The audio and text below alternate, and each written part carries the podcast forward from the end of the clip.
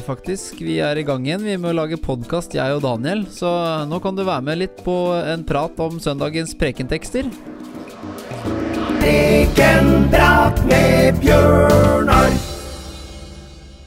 Ja, det var mye rart som skjedde i pandemien, og en av de tingene var at eh, jeg startet med kirkerådsleder her på Sjømannskirken på Gran Canaria å lage podkast. Og det vi gjorde, det er at vi pratet om søndagens eh, prekentekst. eh, Rett og slett med noen interessante gjester. Og vi ringte de opp, eh, siden eh, det var sånn avstandsgreier, så det var en koronavennlig aktivitet. Men eh, vi syntes det var gøy, så vi fortsetter lite grann. Så eh, nå begynner vi rett og slett eh, dette året med andre søndag i advent med en gjest som heter Stine Kiel Saga. Hun eh, jobber i Kirkerådet og i administrasjonen der, så hun jobber på Kirkenes hus i Oslo. Det får vi jo høre litt mer om i selve podkasten.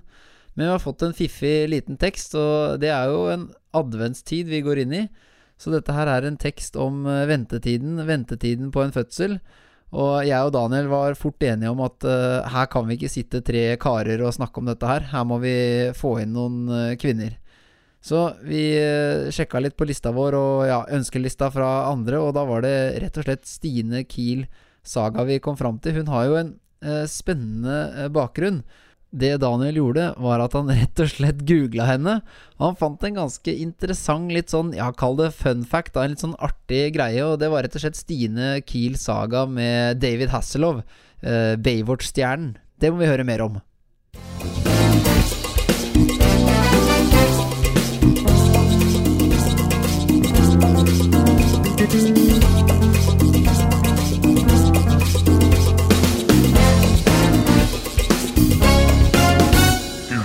Gjest. Ukens gjest er altså Stine Kiel Saga. Hun jobber til daglig på Kirkenes hus, men eh, når Daniel googlet henne, som sagt, så eh, fant han et interessant treff med David Hasselhoff på flyplassen på Gardermoen, tror jeg, og det ble kyss, klapp og eh, klem. Så dette må vi rett og slett nøste opp i og høre litt mer om. Jeg setter rett over til praten med Stine og denne andre søndagen i advent. Ja, Daniel, da har vi rett og slett fått inn eh, Stine Kiels Haga på andre siden av rommet vårt på en eh, ganske liten skjerm. Men eh, Stine, velkommen til podkasten Prekenprat. Tusen takk. Hvor er du hen? Jeg er på Kirkens hus i, midt i Oslo, like ved Børsen. Rådhusgata 1-3. Der, der har jeg kontor. Mm. Ikke sant. Og der er det godt vær?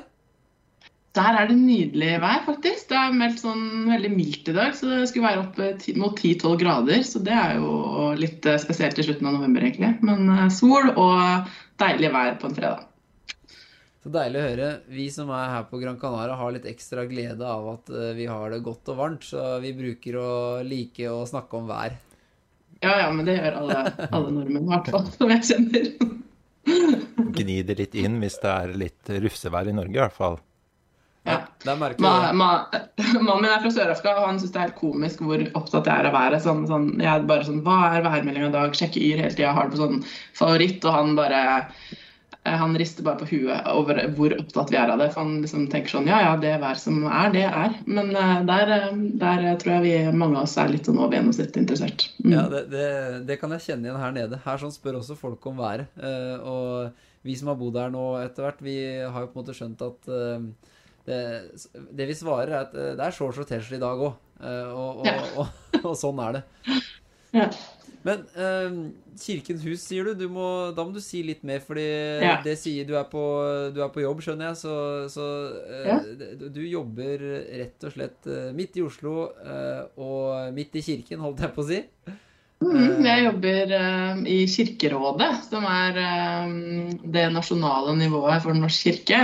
Eh, og det er jo et valgt kirkeråd som er på en måte regjeringa til kirka, hvis man kan bruke de eh, bildene. Og da har de et sekretariat, så jeg eh, jobber i det og er liksom eh, byråkrat på en måte, kirkebyråkrat. Og samtidig så er jeg også en som driver med fag, fagutvikling og jobber med da barn, unge og trosopplæring, heter den seksjonen jeg leder da, i det som heter kirkefagavdelingen.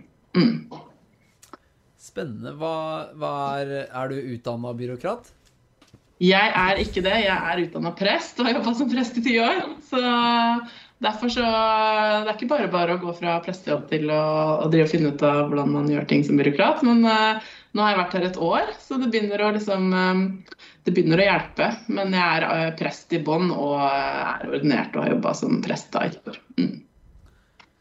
Spennende. Var, vi må slutte å bruke det ordet, kanskje, byråkrat, for det, det er kanskje litt misvisende. men, men du, du, du, er sikkert eh, med på eh, forskjellige steder. Du, du, du, er ikke bare på Kirkens hus. Altså, Daniel var litt nysgjerrig på, eh, på, på, på deg på mange måter, så han, han, han har noen punkter her. men men før vi går videre inn i dette kirkelandskapet og, og sånne ting, så eh, er, er, det lov å google deg, holdt jeg på å si? Er du, er du flau? Ja, det er jo stadig vekk folk som gjør det, så jeg tror jeg vet hva som kommer da.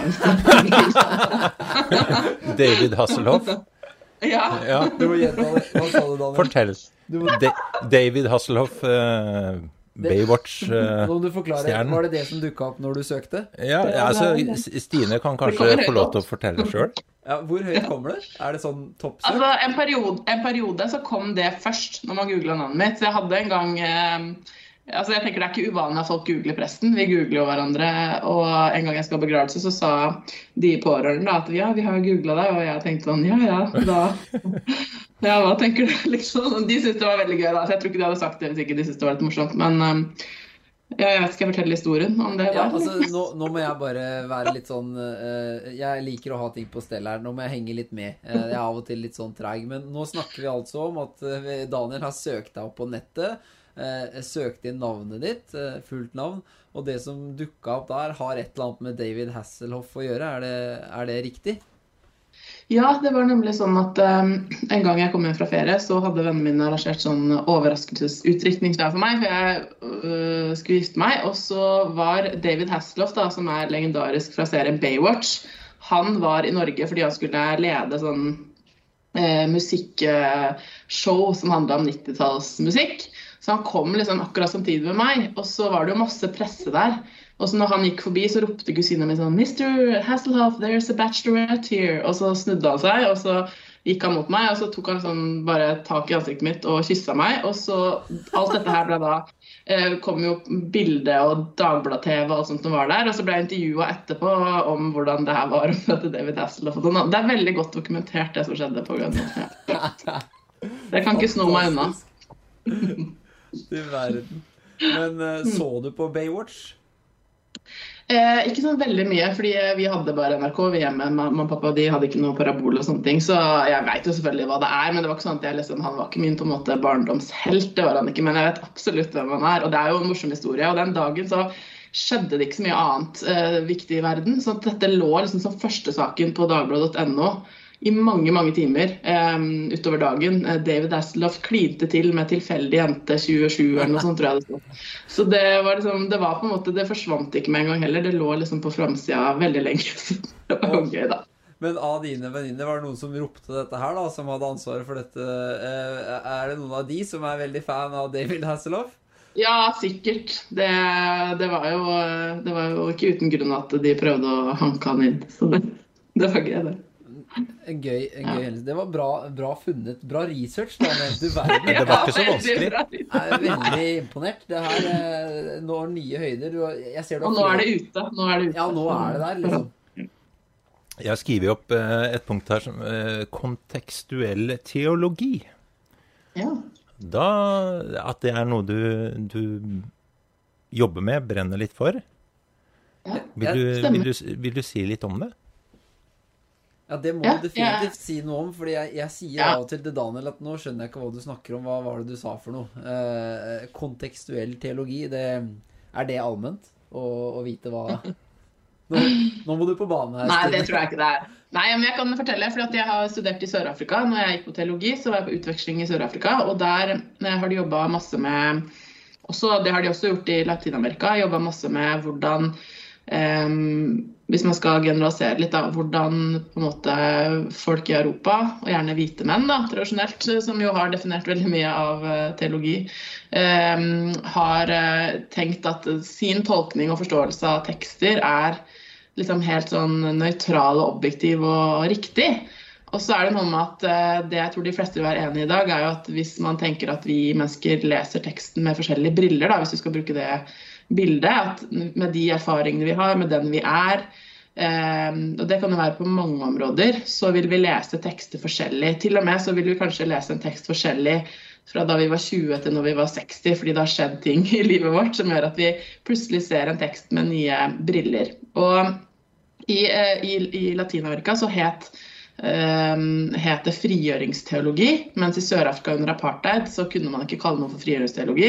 Så det het kontekstuell teologi, og det handler om at den konteksten, altså den sammenhengen man er en del av, uh, helt åpenbart er med og preger hvordan man leser bibeltekster, og også hvordan man uh, tenker at det har med livet å gjøre, og hvordan kirka også skal jobbe med spørsmål. og uh, Kontekstuell teologi og frigjøringsteologi har også da særlig hatt fokus på marginaliserte grupper sin lesning, og også rett til å lese tekster. Fordi at uh, ofte i kirkehistorien så har jo også uh, de som har fått definert um, ja, tro, og også mange bibeltekster og teologi, da. Det faget jeg jobber i, har jo på en måte vært en, en liten del av befolkningen. Så det er jo en slags sånn måte å demokratisere bibellesning på, og en måte å åpne det opp på. Og særlig den Jeg har vært med å skrive en bok da, som handler om å stille noen uh, som jeg syns er gode spørsmål til tekster, som gjør at vi kanskje leser de med litt nye øyne. Uh, F.eks. når vi ber Fader vår, så sier vi 'gi oss i dag vårt daglige brød'. Uh, og så er det ofte blitt tolka som åndelig føde. Ikke sant? Mat er blitt ikke tolka som mat, men som åndelig, åndelig påfyll. Men hvis du hver dag sliter med å få tak i nok mat da, eller brød, så vil jo den bønnen bli ganske annerledes. Det er jo et eksempel. En ting, mm. ja, for en ting man, Når man tenker kontekst i forhold til ulike tekster, så, så, er det jo mm. mange som kanskje har fokus på å komme tilbake til den kontekst ting er skrevet i. Og det kan jo mm. være viktig. Men, men, det, du, men det du også da, nå peker på, er Eh, at man kan få lov til å eh, lese det ut ifra og inn i sin egen kontekst. Mm. Har jeg forstått det riktig da? Ja, men det er veldig godt det du, poeng det du sier. for at I også kontekstuell bibellesning så er man opptatt av at vi kan lese teksten fra litt ulike steder. Mm. Vi kan lese bak teksten, og det handler om å skjønne mer av nettopp den konteksten teksten ble skrevet i. Hva var det som var vanlig da, når det står om om, eh, om bønder. Ja, hva slags liksom, forhold var det for bønder? Hva veit vi om det på Jesu tid? Mm. Hva betød det å være en bonde eller en slave eller en tjener på Jesu tid? Så det er liksom bak teksten, og så jobber man i teksten, som egentlig er litt sånn som man gjorde i norskfaget når man gikk på skolen. Og ser på bruk av pronomen, bruk av egennavn. Hva er det det litterære liksom forteller oss? Fordi bibeltekster er jo også tekster. Mm. Og så er det foran teksten, som jo peker mest på det jeg sa i stad om om, eh, om, i dag da, og den situasjonen man lever i verden i dag, som eh, på en måte alltid, alltid spørsmålet blir OK, hva, hva så? Når vi, nå, når vi vet dette om den teksten og har lest den, hva så? Hva betyr den for oss? Fordi det er jo det vi egentlig skal prøve å finne ut av som kirke og som kristne. Da. Det ga mening for meg. Eh, det ga veldig mening for meg, fordi um, nå sa du noe om uh, på en måte uh, Fordi um, jeg må innrømme at jeg tenkte litt bare Å ja, men da blir det jo veldig liksom eh, Veldig tilfeldig eh, hva, hva, Bibelen betyr, hva tekstene eh, betyr, hvis det på en måte avgjøres hele tiden av liksom rammene den detter ned i, holdt jeg på å si. Men her Det ga litt mening. Nå, nå sa du noe mer om på en måte liksom At det, det, det, det allmenne at den verden vi lever i, det er eh, den vi også lærer å se og bruke ordene i. Altså det Bare så enkelt som språk, da. At eh, mm. når jeg lærer meg norsk, så er det det språket jeg bruker, og det er det språket jeg trenger for å forstå eh, en annen eh, som, som, snakker, da.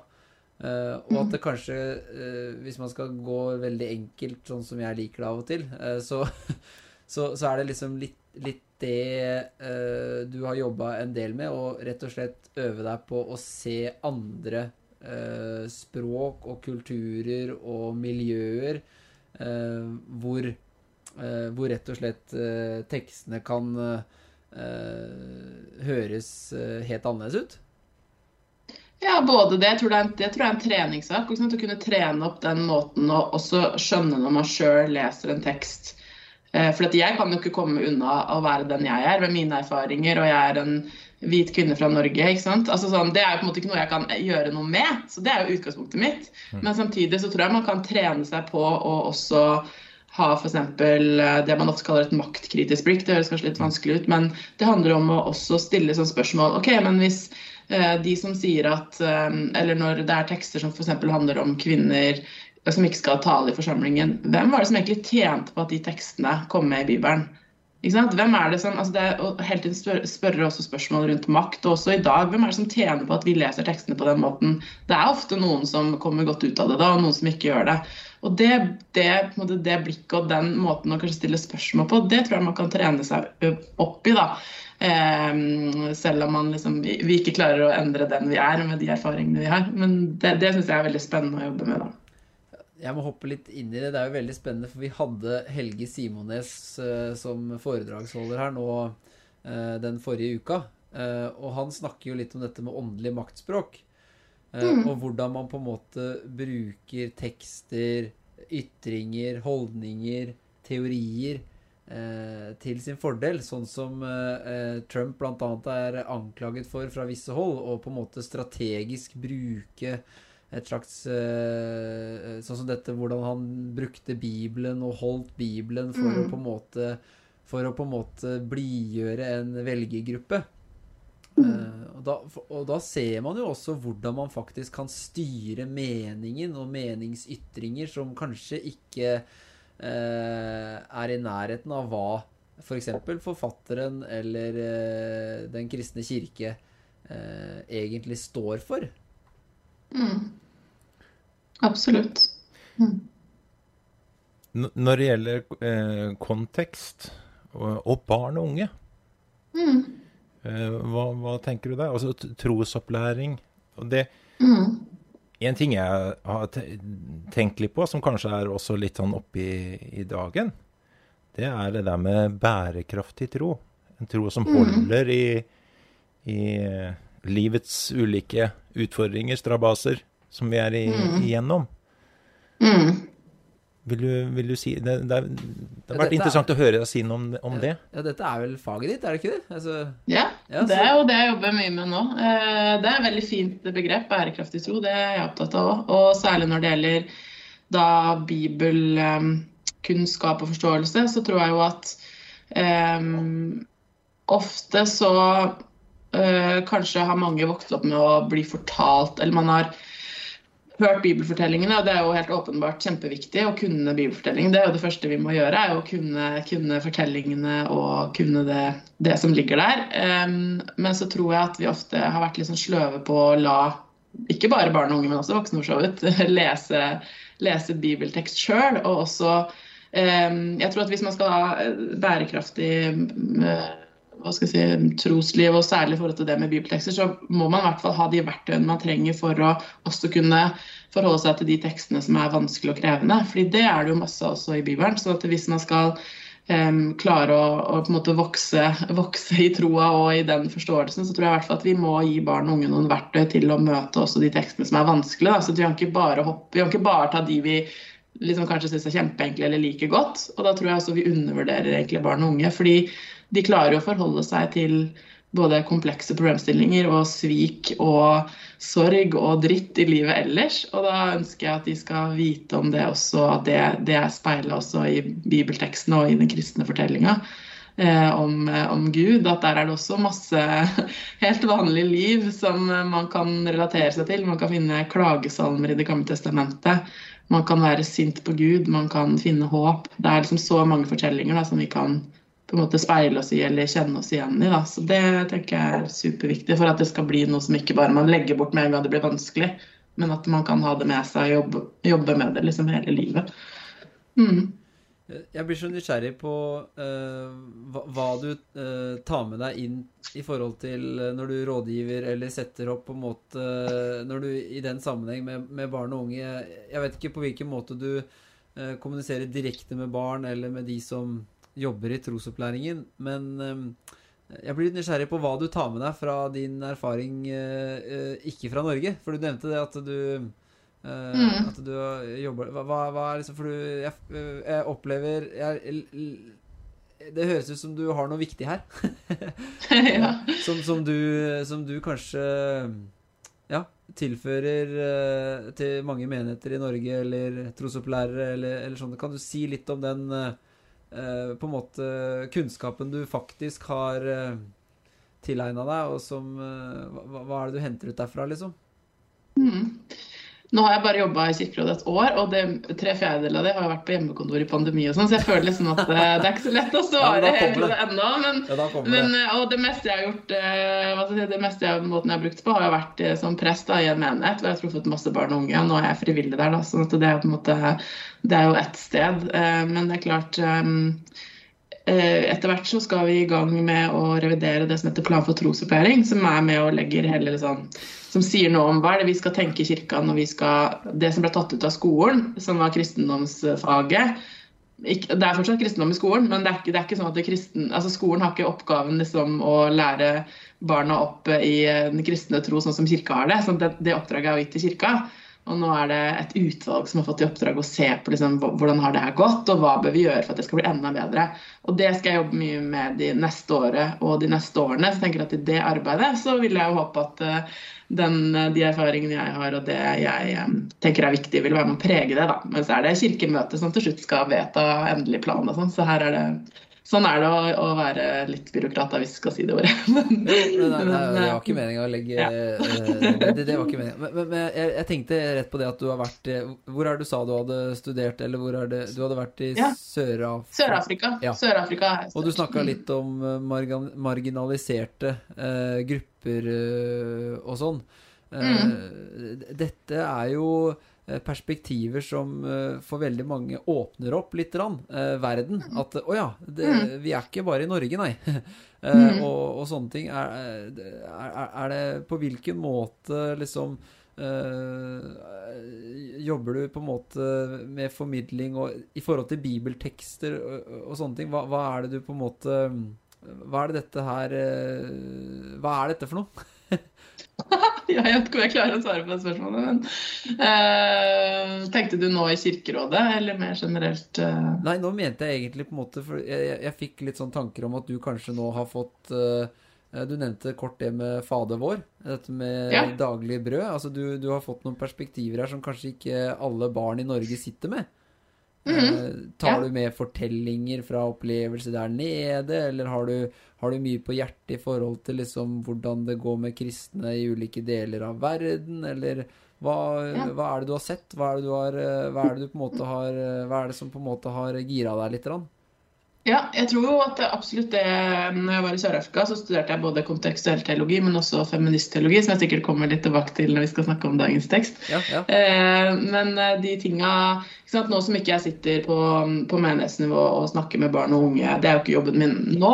Eh, og jeg kan jo heller ikke instruere på en måte, ikke sant, menighetspedagoger eller prester. De må jo gjøre den jobben sjøl. Men det jeg tenker at det viktigste jeg kanskje har med meg på et sånt nivå som jeg jobber nå, det er jo nettopp eh, den inngangen som handler om um, å på en måte finne ut av liksom, de gode spørsmålene, og også tørre å, å være kritisk da, til teksten. Eller stille spørsmål hvorfor er det sånn, eller hvorfor, det, hvorfor hører vi ikke noe om det, eller hvorfor eh, i julefortellingen så er det så detaljer og masse, men det er ingenting om Jesu fødsel. Det står bare at han ble født og lagt i en krybbe, liksom. Altså, sånn, det er på en måte Jeg syns det er gøy å Hvis jeg kan liksom hjelpe til å få, få kanskje være med å prege liksom, det som lages på det nivået jeg jobber, da, til å, til å ha en sånn type tilnærming til bibelteksten, er det kanskje det jeg kan håpe på. Men her er det jo som sagt um, mange som uh, menighets, Menighetsrådene vedtar jo sin lokale plan for trosplæring og alt det der. Så vi er jo liksom alle da, satt til å gjøre den jobben, egentlig. Så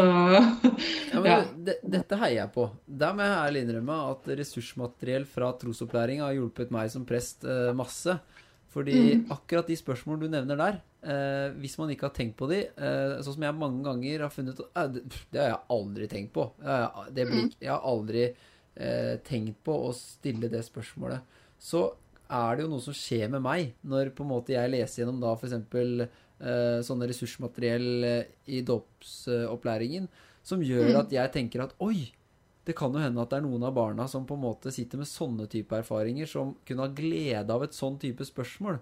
Og som du sier, liksom dette Så, så uh, da vil jeg heie veldig på uh, å grave litt i de spørsmålene du nå uh, kommer. En, enkle spørsmål sånn som Hvorfor står det ikke noe om fødselen?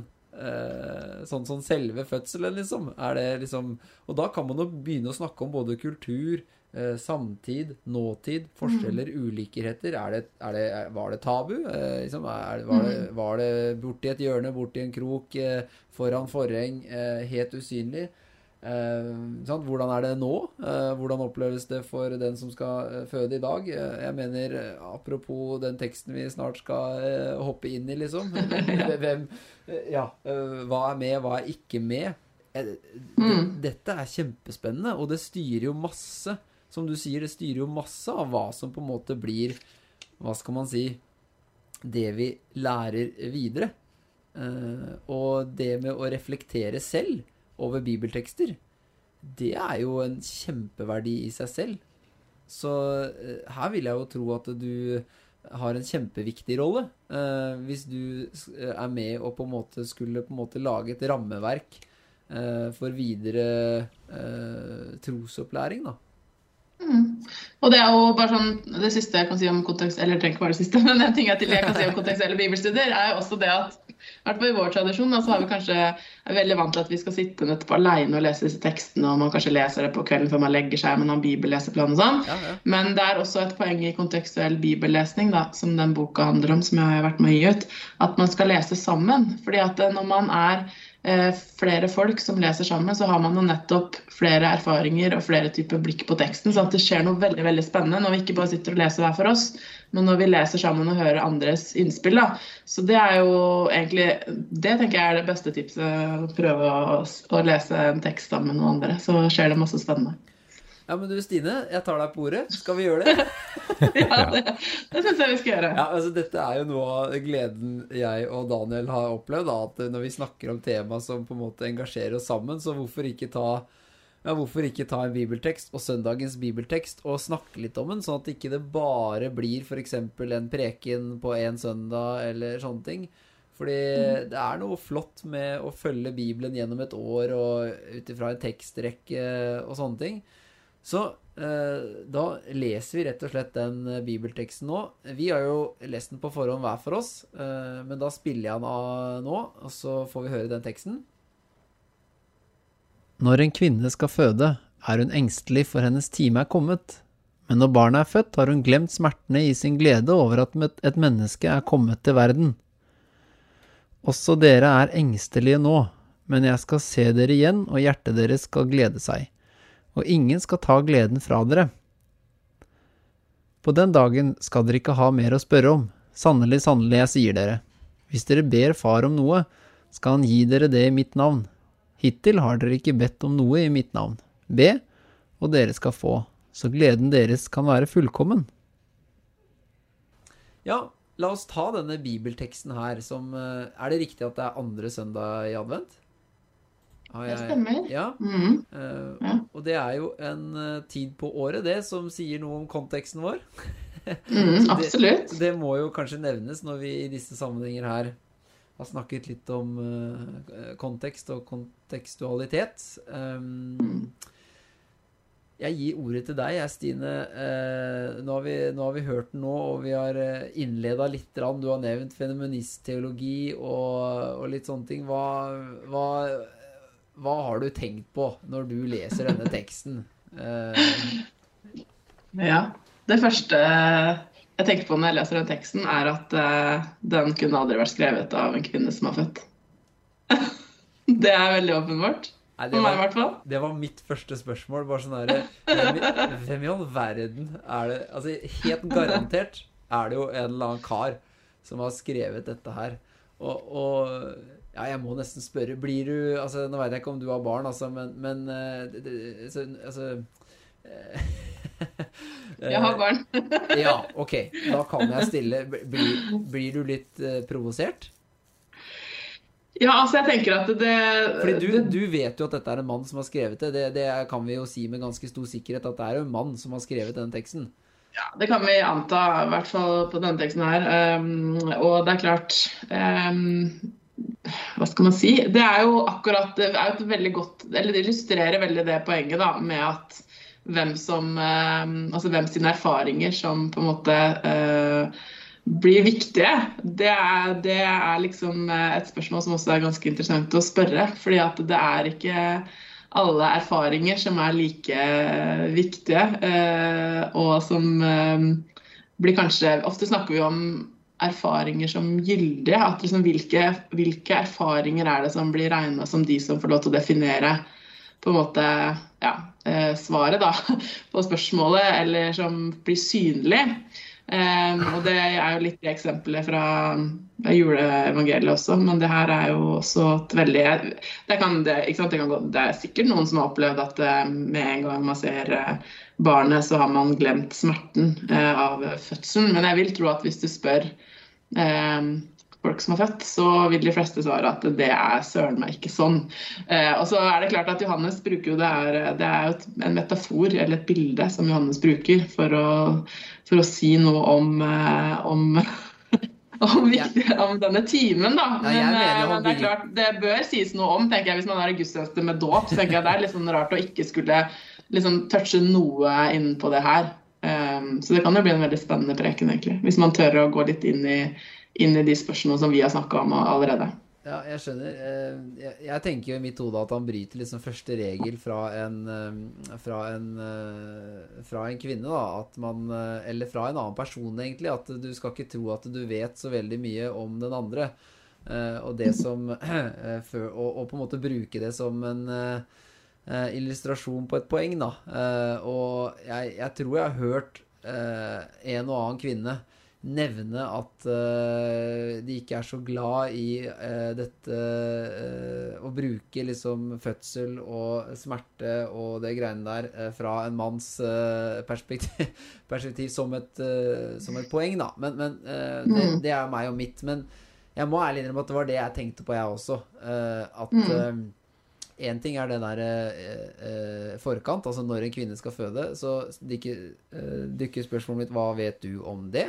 eh, mm. er, er, hun engstelig for hennes eh, time er kommet? Og da Jeg vet ikke eh, om man tenker på liksom timen det skal skje fødsel, eller om man tenker på den dødsfrykten eh, som kanskje kan oppstå i forbindelse med med, med, fødsel, for det er jo en realitet i mange land at, eh, at det går mm. gærent med både barn og, mm. og kvinnen.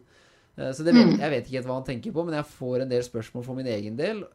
Og så er det i bakhodet at jeg har jo bare vært med på en fødsel. Jeg har bare stått på sidelinjen. Så hva kan jeg si om det? Altså, Jøye meg for en kjekkas, liksom. Og så kommer det dette som du nå nevnte, at men når barnet er født, har hun glemt smertene. Uh, I sin glede, står det videre, da. Men, men uh, mm. jeg merker jo liksom litt at uh, nå Nå raser du godt fram her. Hva, hva skjedde der, liksom? Det, det, det, må jo provosere Jeg vet ikke om det er 50-50% kvinner og menn på jorda, men det er vel heller ikke det. Men um, det må vel være en og annen kvinne som blir litt provosert av det.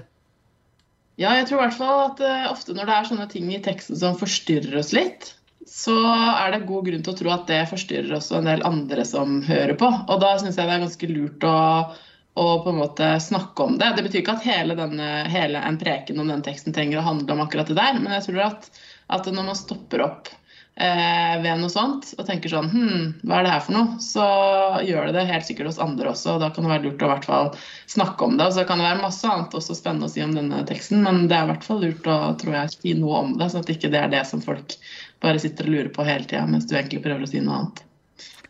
Mm.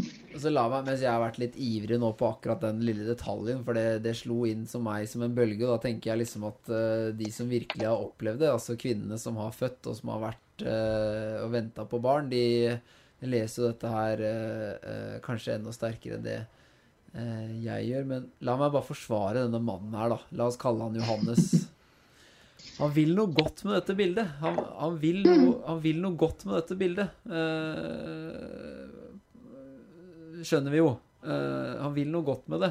Men det er kanskje akkurat det som er litt problematisk for enkelte også, at det blir på en måte litt sånn billig bilde. Fordi en såpass uh, drøy seanse som graviditet og, uh, og fødsel, da, uh, er på en Mm. måte men, men kanskje liksom eh, Ja, hvis vi skal forsvare han, så, så vil han noe veldig elementært, noe veldig eh, sant med bildet, fordi dette dette som er en sånn dåpssalme, da. Det skjer et under i verden hver gang et barn blir til.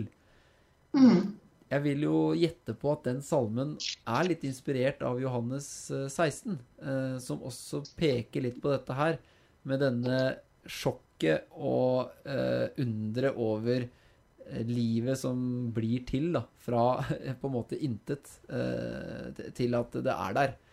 Um, så, så når det er sagt, så har jeg litt behov også for å forsvare på en måte mannen i dette her, som på en måte eh, prøver å referere til en sånn ja, eh, universets eh, virkelig store eh, underfortelling, da, som skjer egentlig ja, veldig ofte eh, på Mm. sykehus eh, i Norge og på sykehus og andre steder rundt omkring i verden. Men- Men det er egentlig litt morsomt, for det er liksom ikke det som egentlig er poenget heller med teksten, føler jeg. At det er jo på en måte, ikke sant? Fordi at Hvis det er julefortelling, så kan man jo si sånn um, Der er jo på en måte det Der er jo det sjølve liksom hoved...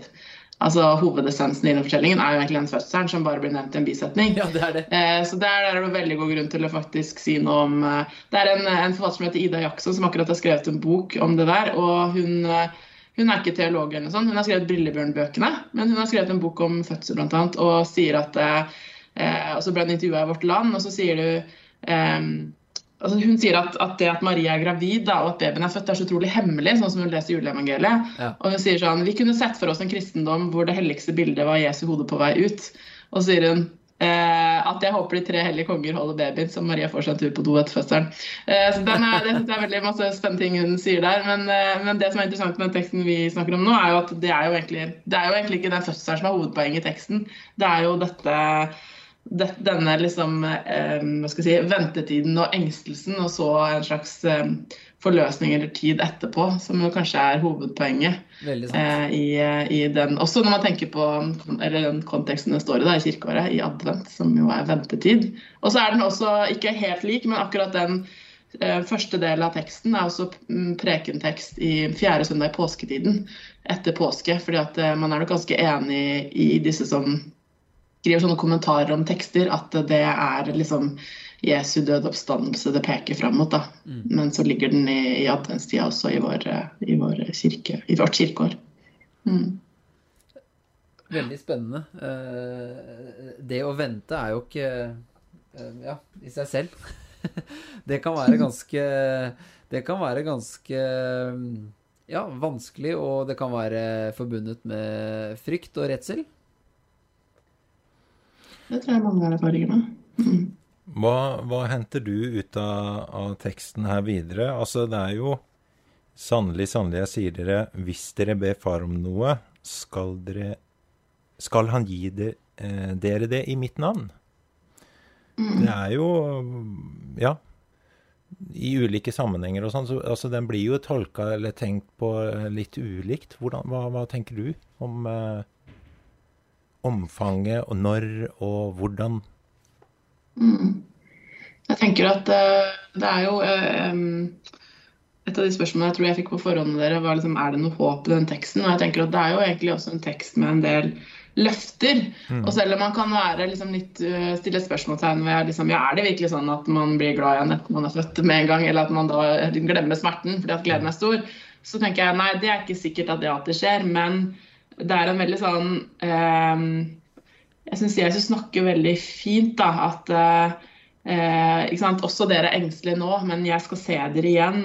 Og, og den dagen skal dere ikke ha mer å spørre om. Det dere ber om, skal dere få. Gleden eh, kan være fullkommen. At det er Den peker på også eh, i, Den peker på liksom det, det potensialet som ligger der i at også noe som er fælt, noe som man gruer seg til, noe som er vondt. At det, at det, på en måte kan også forvandles til noe som er håpsfullt og godt. Mm.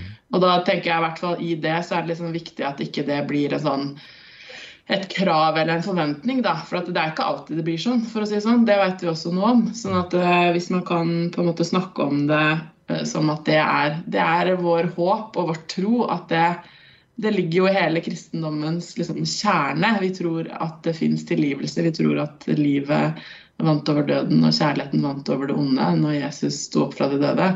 Uh, det er så grunnleggende den forvandlingen. Og samtidig så er det ikke alltid alt blir forvandla sånn som vi erfarer det. Så man må på en måte eh, kunne holde to tanker i hodet på en gang, kanskje, når man leser den teksten her. For det er jo, den peker jo veldig framover.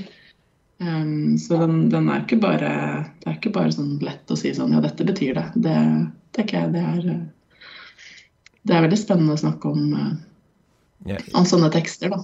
Mm. Jeg, òg syns det er litt vanskelig å nærme meg den teksten her, på, blant annet når, når, Jesus da sier, ifølge Johannes, da På den dagen skal dere ikke ha noe mer å spørre meg om. Mm. Hvilken dag er det han snakker om? Altså, er det mm. er, er, Snakker han om det himmelske, det livet som kommer, men som er? Altså, det, det er det, det, det, store på en måte mysteriet som er kanskje litt vanskelig å nærme seg, da. Det som er mm. uh, det himmelske Guds rike, som, som, som mm. er her og, også her og nå, men mm. som kommer, som vi kanskje ikke ser jeg, jeg, vet ikke uh, Der er det jo litt ulike tolkninger og ulike så, så, det kan være litt vanskelig, sy, syns jeg, men jeg er jo ikke jeg er ikke utdanna teolog heller, da. Men, uh, Nei, jeg syns det er vanskelig, jeg òg. Jeg tror ikke det er noe. men, men uh, hva, hva, hva, tenker du om det? Uh, syns du òg det kan være litt vanskelig å på en måte for, formidle det, eller uttrykke det, eller mm, det, altså det er jo, Selv om sant, mange kommentarer, hvis man leser sånn kommentarstoff om teksten, her, så mener de nok at Jesus her snakker om Eh, død oppstandelse mer om endetiden, på en måte, eller om de siste dager. Men, men det er klart, det, det, vil jo være noe som ofte klinger med når vi leser, leser sånne tekster som står skrevet sånn som det der. Og um, jeg tenker, eller for meg så er det eh, Det er noe med å, å klare å, å, si noe om um, ja, det håpet som ligger der, da, og den, den, muligheten som jeg tenker at liksom ikke jeg kan gjøre noe annet enn å stole på. At det er på en måte det vi kan gjøre. Vi må eh, tro, og tro er egentlig kanskje å, å, stole på at noe er sant. Vi vil liksom ikke Vi kommer og vi vet jo ikke helt, og vi vet det kanskje ikke da før, før vi liksom eh, møter Gud sjøl på en eller annen måte. Men, og det, jo, det står jo noen beskrivelser om det der i Bibelen. og og samtidig så er det jo ingen av oss som veit akkurat hvordan det der ser ut. sånn at når jeg eh, forkynner i gravferd og i, i påske og sånn, så prøver jeg å si noe både om um, det Jesus sier, og det som jeg ser på uh, som jeg syns er håpefullt. Og samtidig også se noe om hvordan vi kan kjenne igjen det i våre egne liv. Da.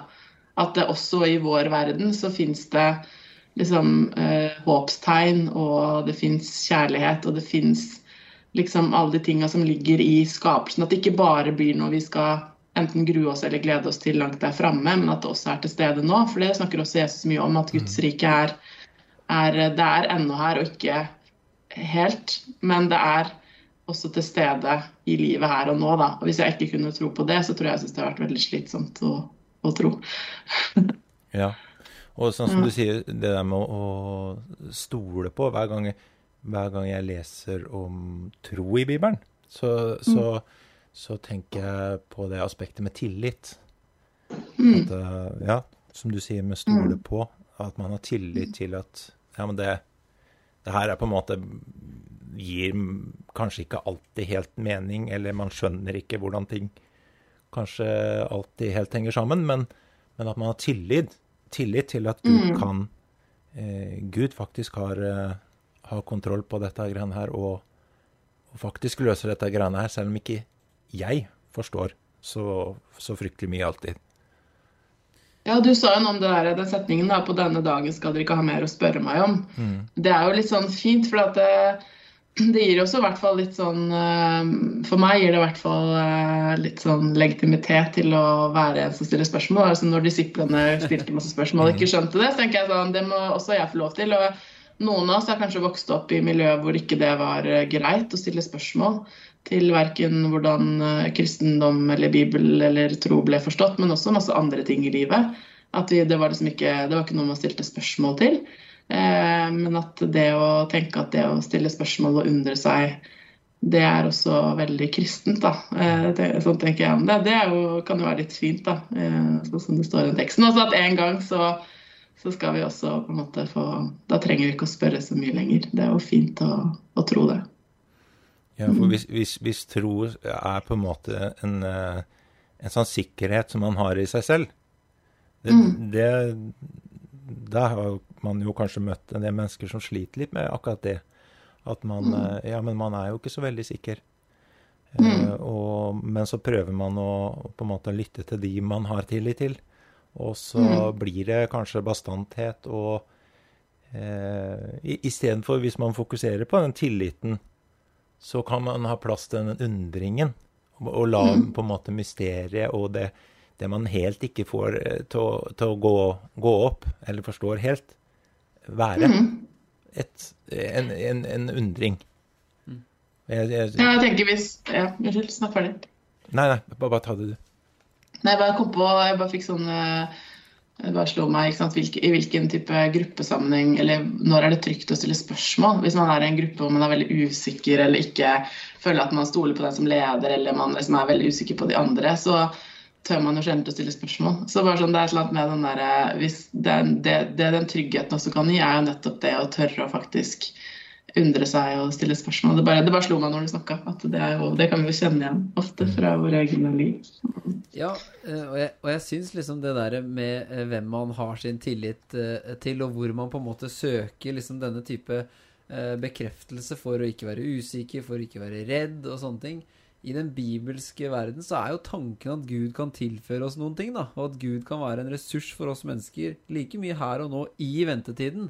Eh, s- fordi at det, eh, Gud er, og Bibelen har et ganske sterkt eh, budskap om det som ligger der fremme. Og det skal tilføre noe til ventetiden. Eh, det, jeg har en liten eh, Kanskje ikke noe godt bilde, men, eh, men, men som jeg eh, Som for meg, da, eh, funker for å liksom ha en historie på eh, noe av disse ordene her. Og det, og det er sånn eh, Jeg ser for meg et sånn stevnemøte. Jeg ser for meg at man venter på å møte, på en, møte en person. som man har gledet seg til å møte. Det trenger ikke å være en date, men det kan også være mellom venner. Så kjenner man på den der masse spørsmål og tanker eh, av hvordan blir det, og man gruer seg til å komme til stedet man har avtalt, og man har en sånn ventetid hvor man stiller masse spørsmål, og man blir veldig sånn ja, eh, kan bli nervøs, kan kanskje føle på eh, frykt, og kanskje man kan føle på Nei, vet du hva. Dette, dette blir for mye, liksom. Jeg dropper det, eller et eller annet. Man kan få den fluktfølelsen og masse sånne eh, greier. Og så når man kommer eh, fram og møter hverandre, eh, så, så, så, så skjer det noe på en måte forløsende i det. At man på en måte liksom Åh, uh, nå er alle de spørsmålene jeg hadde i hodet mitt om utseende, om eh, eh, hva som vil skje, og nå er de liksom Nå slipper jeg å liksom stille spørsmål mer. Eh, Og i den fortelling, eller i, den, i det bildet så gir dagens tekst litt mening for meg. At liksom eh, At, at eh, jeg kan se for meg en sånn situasjon hvor jeg liksom på en måte eh, liksom trenger den andre til å liksom bli rolig, og til å liksom føle at nå åh, kan skuldrene eh, senke seg, da. Um, og jeg måtte sjekke det i stad. Det står jo på en måte Dette avsnittet vårt står jo også i en sammenheng med dette med talsmannen som skal komme, altså denne mellommannen.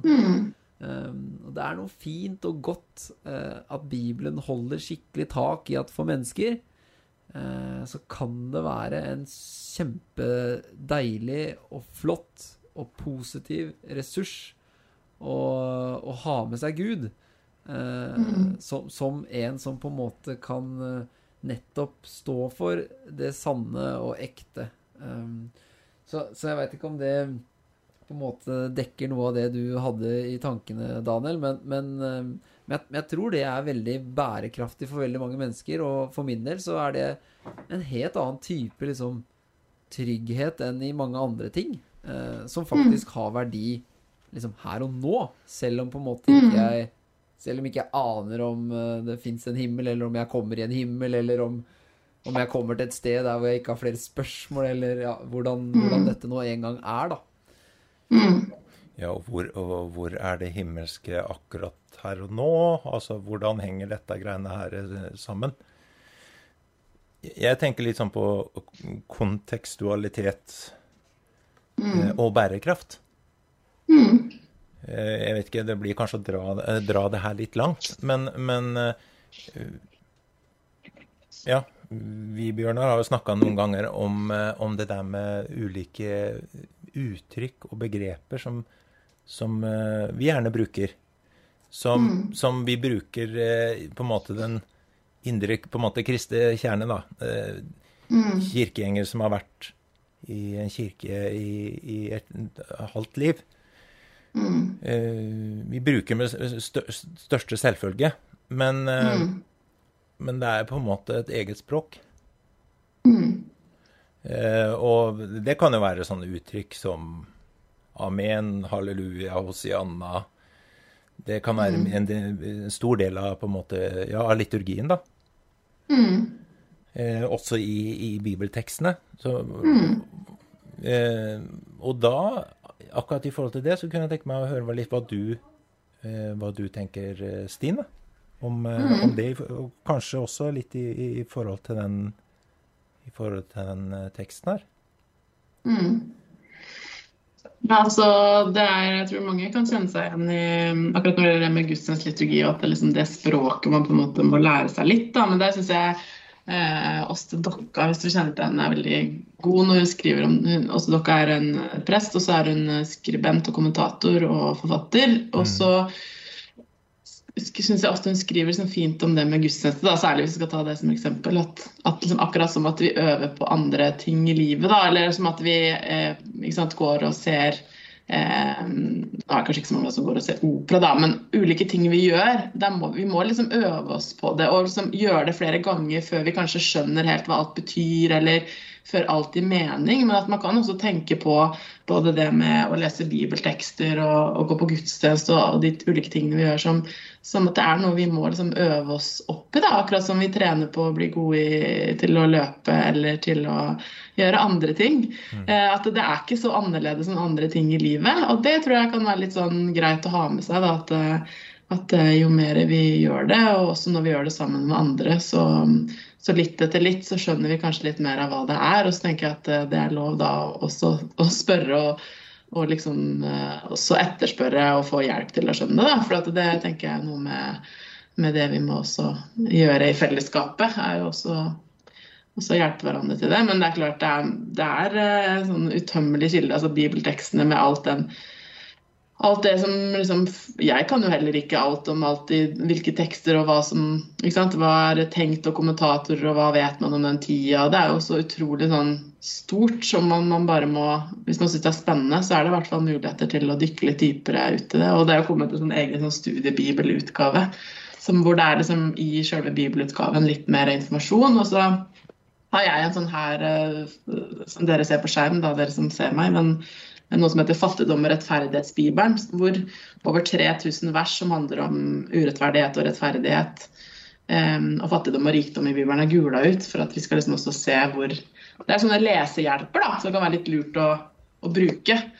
For at det, det, er, det kan ofte være ve veldig spennende og gi oss ganske mye, syns jeg i hvert fall, når man bruker litt sånn lesehjelper. Mm. Det har vi lært at du er glad i spørsmål, så det kan jeg jo levende se for meg. At, uh, at du liker sånt.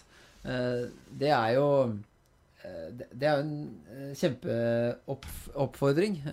Og, og, kanskje er ikke det så fremmed som det man skulle tro, kanskje. Og det å være på en måte litt sånn eh, spesielt inter interessert i Bibelen. med, med, kommentarer Jeg vet ikke om jeg svarte på spørsmålet til Daniel, da, men det er for han. Nei, Kanskje jeg rota meg borti noe? Nei, jeg følte ikke helt. nei det, var- men det var, det var litt, litt stort spørsmål nå. Eh, det, jeg hadde lyst til å knytte det egentlig på en måte til eh, bærekraft og kanskje mest eh, i forhold til det med barn og unge, da. En bære, bærekraftig tro. Ja. Hvordan man bruker disse på en måte begrepene, hvordan man Mm. lærer de opp, hvordan man Jo, men- peker på hva de ulike Jeg har lyst til å følge det opp. Den begrepene er. Sorry for å avbryte, men jeg blir gira jeg nå, vet du. Eh, Jeg har lyst til å følge opp litt, fordi eh, det er, en eh, Jeg syns det var et interessant Et Ypperlig svar. Fordi jeg hadde en, Jeg jobbet sammen med en kateket. Hun, hun var voksen, for å bruke det ordet. Og hun var så opptatt av at vi i konfirmanttimen Vi må jo, vi må jo pugge litt. Vi må lære de noe. Sånn at de liksom kan komme tilbake og liksom på en måte føle at de har, har lært noe, altså har noe på en måte sånn. Og det første problemet som ofte dukker opp da, er ja, men hva med de som aldri klarer å lære seg, eh, og aldri pugge, og som ikke er skolesterke og sånne ting? Burde ikke konfirmanttiden være et sted hvor man på en måte ikke får den i panna eh, og i ansiktet også? Eh, men så var min erfaring at det at vi var et annet sted, lærte noe annet. Vi lærte f.eks. eksempel vi lærte trosbekjennelse, faktisk, med disse konfirmantene. Så var det noe som var veldig ukjent, og de protesterte nesten høylytt i starten uh, mot dette her. Men i og med at trosbekjennelsen ble brukt i mange sammenhenger, og ulike steder, og på ulike måter, og vi hadde uh, trosbekjennelsen uh, med denne konfirmantbibelen med ulike symboler og alt mulig rart, og hun ga seg ikke, og hun jobba med det enkeltvis, én til én. Vi hadde oppgaver, vi jobba på mange mulige måter med ulike pedagogiske virkemidler så ble det en ting som jeg tror veldig mange i den konfirmantgruppa faktisk lærte seg. Og jeg eh, har aldri vært på gudstjeneste hvor så mange unge mennesker har reist seg opp med stor frimodighet etter preken og fremsagt den apostoliske trosbekjennelse med den største selvfølgelighet. Og det var en litt sånn eh, opplevelse for meg på det du sier om at eh, vi må jo også tillate oss å liksom jobbe med det som er kanskje opp, som vi umiddelbart oppfatter som eh, kjedelig eller, eller tungt, eller et eller annet sånt. Eh, og jeg opplevde ikke at de gangene vi hadde gudstjeneste og vi hadde trosbekjennelsen, at det var en sånn en tung greie å skulle dra gjennom. Det ble eh, tvert imot en sånn greie hvor jeg opplevde at en del av konfirmantene satt ytterst på stolen og venta på det øyeblikket hvor de skulle få lov til å si trosbekjennelsen. For det kunne de!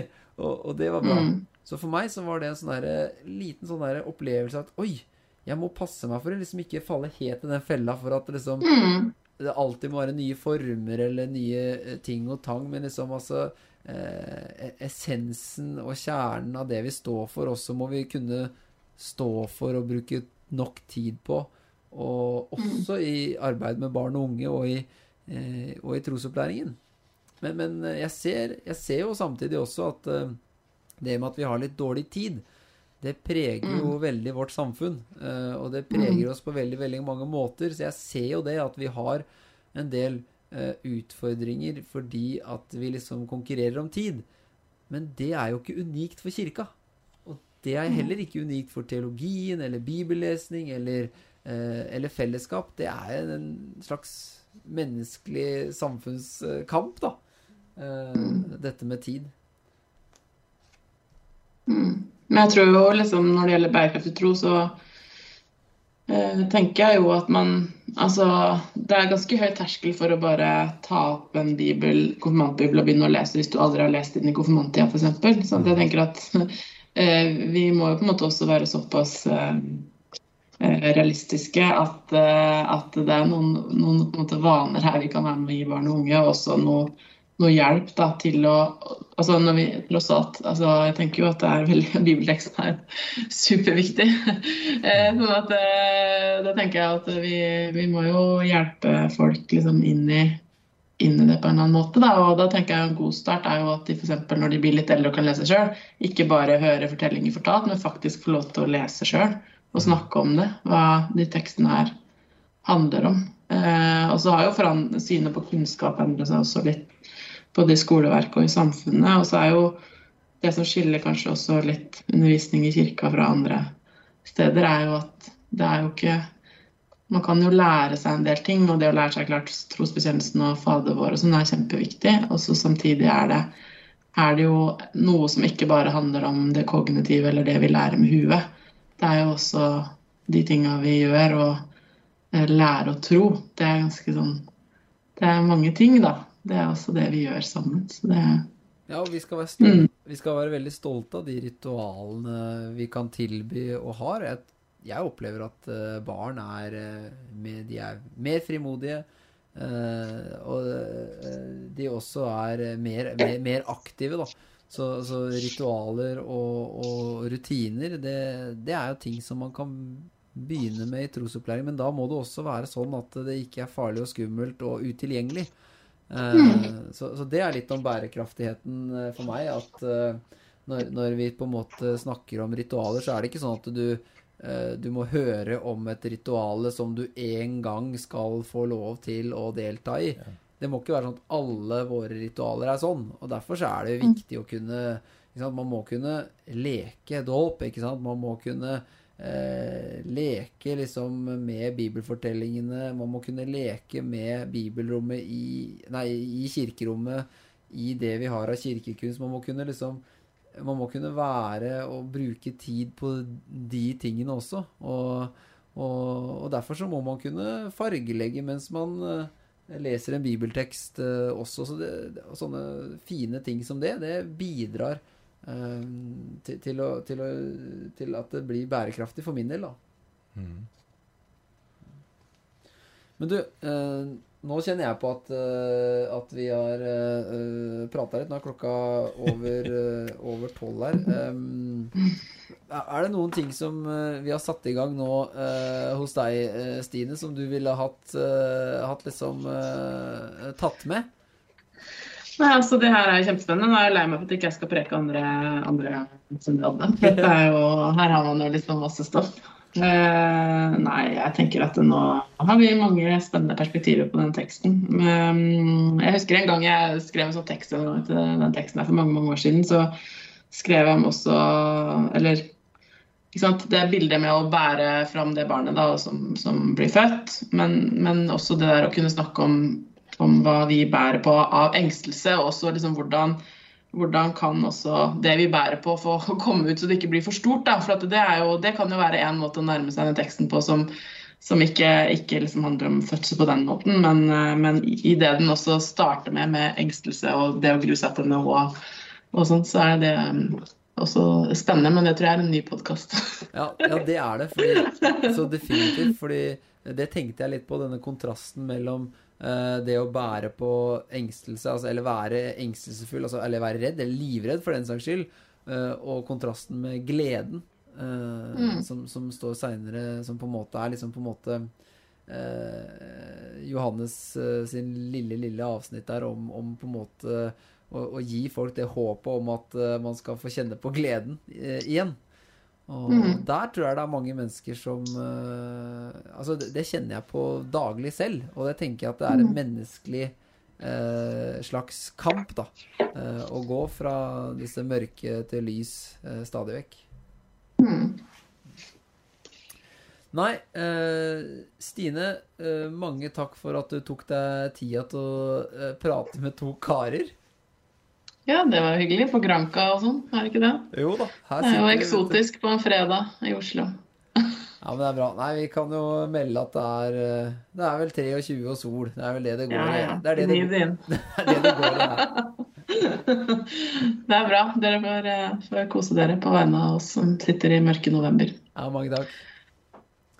Ha det godt. Ha det bra. Tek en prat med Bjørnar. Ja, det blir ikke mer moro enn man lager det sjøl. Dette var uh, denne starten vi kunne by på, men det kommer mer. Uh, I neste episode, Petter eh, Skans, så er det tredje søndag i advent. Den er klar allerede, den også, så det er bare å lytte videre hvis dere vil høre på uh, babling om, om tekster. Så får jeg bare avslutte med å si takk for at du lytta til eh, Prekenprat. Ha det godt! Prekenprat med Bjørnar.